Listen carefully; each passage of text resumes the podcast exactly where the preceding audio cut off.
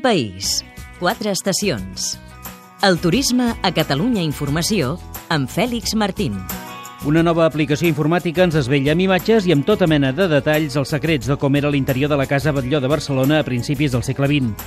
Amb una tauleta a la mà es pot fer ara un tour virtual per l'edifici d'Antoni Gaudí, convertit de fa temps en un autèntic museu modernista. Mentrestant, al Pirineu de Lleida, quan encara hi ha neu a les pistes, a l'estació d'esquí de Baqueira estan acabant de planificar la campanya d'estiu.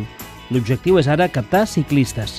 Escoltarem un dels responsables de l'estació, Òscar Vancells. Què hi ha al darrere dels balcons de la Casa Batlló on què es va inspirar Gaudí per fer el sistema de ventilació de la casa? Quin mobiliari tenia la família?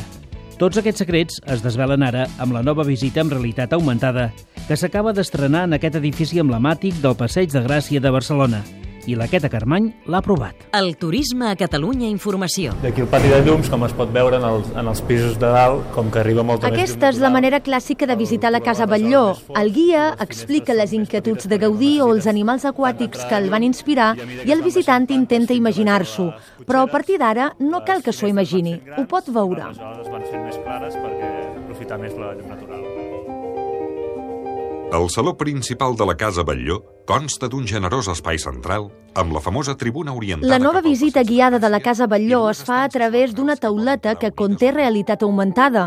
Així, si la sostenim i la dirigim a les parets o al sostre, es completa l'explicació que sentim amb imatges que reprodueixen l'estança tal com la tenia la família Batlló. La idea va sortir fa dos anys i Gary Gauthier, que és el responsable d'innovació de la Casa Batlló, la va voler ampliar. quan vam fer eh, el 10 aniversari vam oferir a la ciutadania aquest mapping eh, que d'alguna manera desvetllava tot aquest contingut secret i ocult de la façana, no? com la llegenda de Sant Jordi, del Carnaval. I en vist de l'èxit i, i, i de l'admiració a tothom, de l'humà que era, ens vam posar per objectiu descodificar l'interior de la Casa Batlló. Eh, llegir tot el contingut ocult, totes les tècniques secretes d'Antoni Gaudí, totes les simbologies que havia fet el món animal i natural i oferir-les al públic. A través de la tauleta no només descobrim el mobiliari, també ens apareixeran els peixos que van inspirar el sistema de ventilació o el fons submarí que Gaudí va voler reproduir a través de les claraboies. Coses que si s'expliquen només amb un àudio són difícils d'assimilar. Sentim Daniel Giral Miracle, estudiós de Gaudí.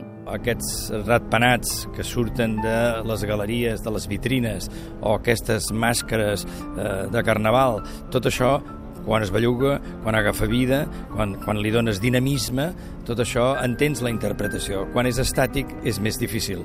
I per tant, les noves tecnologies permeten això. Gaudí empra molta simbologia, però aquesta simbologia, si no estàs molt iniciat o no t'has preparat molt, potser no es coneix.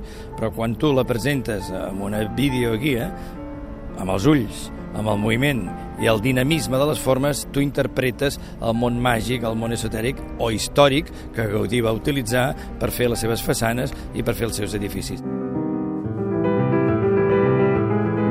quan veus una persona que escolta una videoguia i al costat hi ha una altra que ha tingut la sort d'agafar una d'aquestes tauletes que oferim, oferim gratuïtament i, i, i veus la seva cara quan, quan comença a descobrir la casa a mesura que es va passejant en les diverses estances és molt gratificant.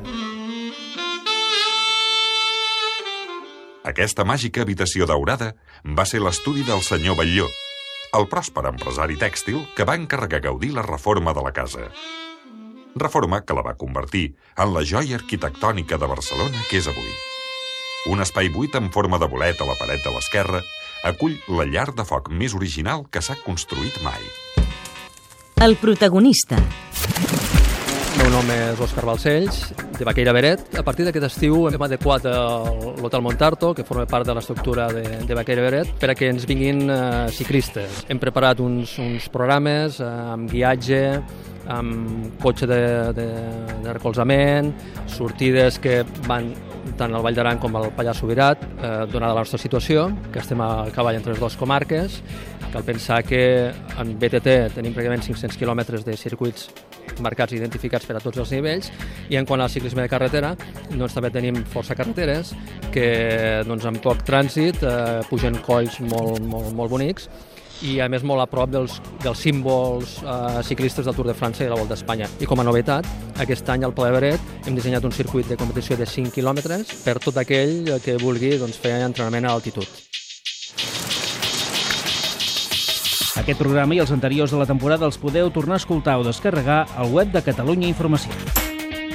Un país, quatre estacions. Un programa realitzat des dels centres territorials de Catalunya Informació.